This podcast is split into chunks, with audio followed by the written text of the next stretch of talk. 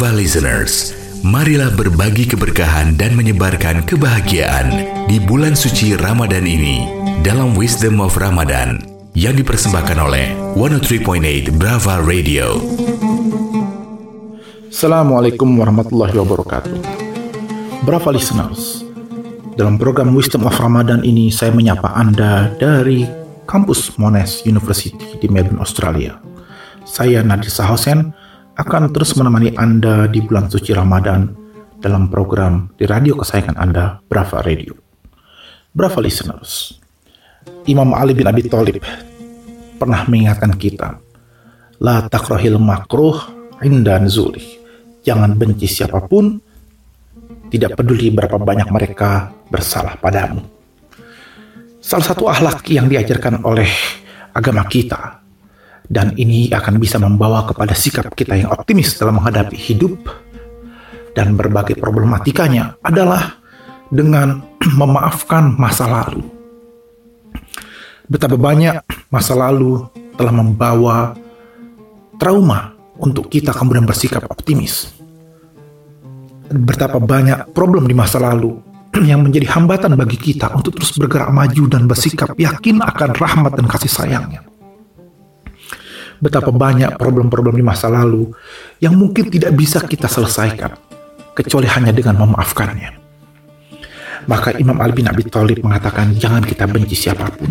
Kita boleh benci kepada sikap orang itu, tapi tidak boleh membenci dirinya atau pribadinya.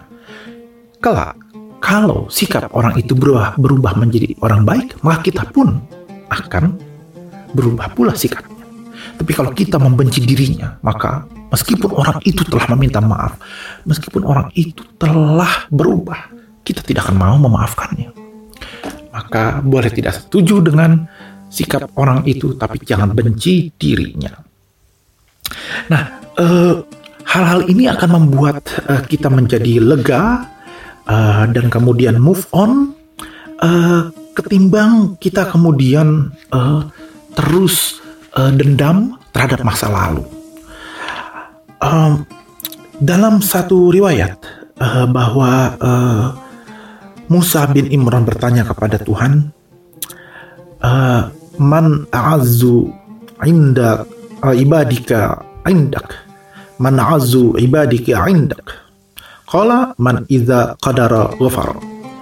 Jadi bertanya kepada Allah, Nabi Musa, Siapakah hambamu yang paling mulia di sisimu? Allah menjawab, yaitu orang yang mampu untuk membalas kesalahan orang lain, tapi ia memilih untuk memaafkannya. Memaafkan itu berat, tapi tidak seberat memindahkan samudra.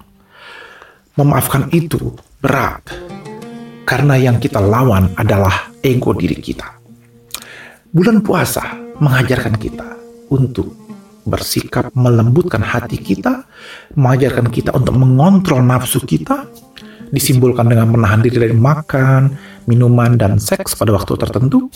Bulan puasa mengajari kita untuk mengendalikan, mengontrol kembali diri kita. Diri kita yang tadinya dikontrol oleh nafsu makan, konsumtif, minum, maupun nafsu sahwat. Sekarang kita ambil kembali diri kita. Kita kontrol kembali Salah satu bentuk kemampuan kita mengontrol diri adalah dengan memaafkan masa lalu. Maka mereka yang mampu memaafkan masa lalu, dia telah berakhlak sesuai tuntunan Islam. Maka dia akan menjadi pribadi-pribadi yang siap untuk move on, memandang hidup dengan lebih optimis, dan kemudian lebih sukses. Jadi jangan memandang kecil persoalan akhlak dan persoalan optimisme ini karena ternyata cabang dan rantingnya dalam kehidupan ini begitu banyak. Jebakannya begitu banyak. Karena itu mari kita kembali mengontrol diri kita. Kita jadikan momen di bulan suci Ramadan sebagai momen untuk mengontrol diri kita kembali. Kita tidak perlu mengumbar emosi, mengumbar amarah. Bulan suci Ramadan mampu membuat kita mengontrol amarah kita. Demikian saling bincang kita, saling berbagi kisah dan hikmah. Semoga ada manfaatnya. Kita akan lanjutkan esok hari. Insya Allah biiznillah. Masih dalam program yang sama, Wisdom of Ramadan di Brava Radio. Assalamualaikum warahmatullahi wabarakatuh. Profesor Dr. Nadir Syahosen, Rais Surya, pengurus cabang istimewa Nahdlatul Ulama Australia New Zealand untuk Wisdom of Ramadan. Wisdom of Ramadan dipersembahkan oleh 103.8 Brava Radio.